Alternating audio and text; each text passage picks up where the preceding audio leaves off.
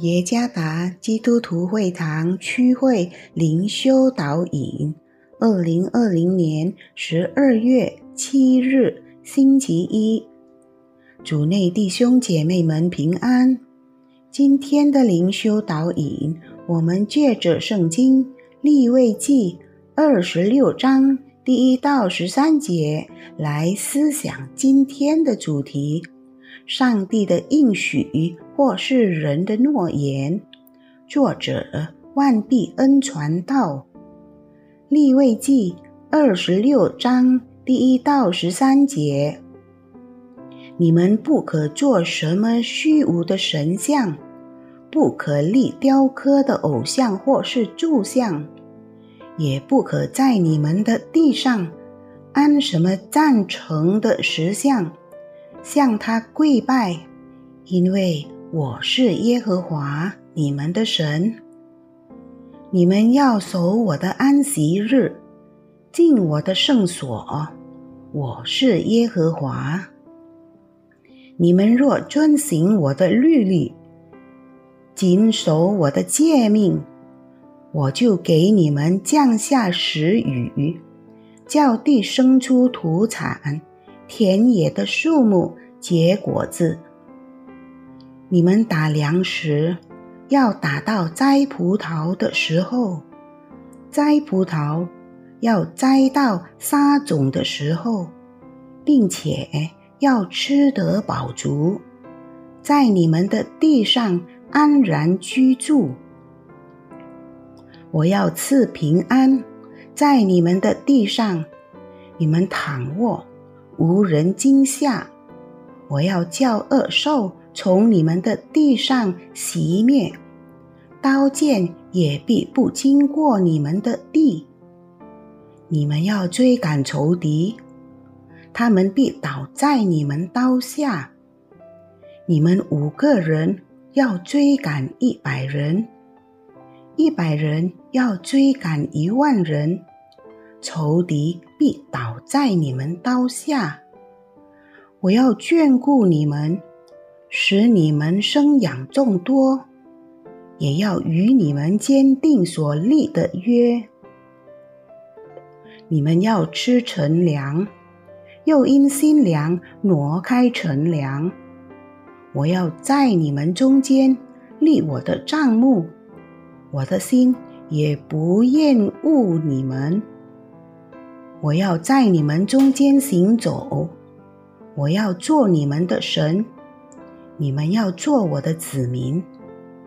我是耶和华你们的神，曾将你们从埃及地领出来，使你们不做埃及人的奴仆。我也折断你们所负的恶，叫你们挺身而走。几个月前，我的孩子要我寄家庭照片档给他，当时我随口很轻易的答应他说：“好的，就明天吧。”然而事实上已过了几天，我还没寄给他，必须经过我的孩子重复的提醒和讨索。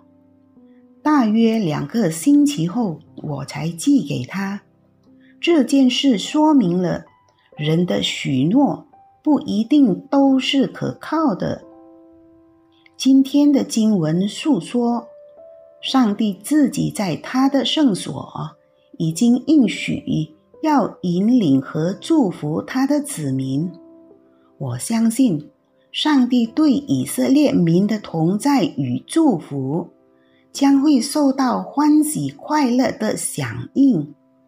是的，我们岂不是也像以色列民喜欢上帝祝福的应许吗？这当然没错。但有件事我们必须知道：祝福的应许也附有他的命令，要子民忠心和顺服他。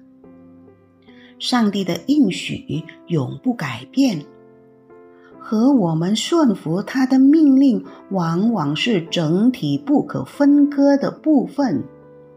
他的应许一定会成就，赐下拘留，并与他所释放的子民同在，因他爱我们，引领我们进入他美好的团聚中。这就是上帝向他救赎子民所赐予全备的祝福。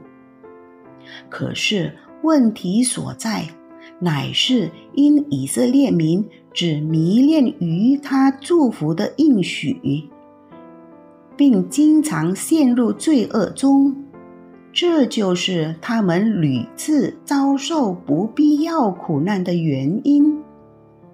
他们只聚焦在上帝祝福的应许上，却忘记了应许整体中最重要的部分就是顺服神。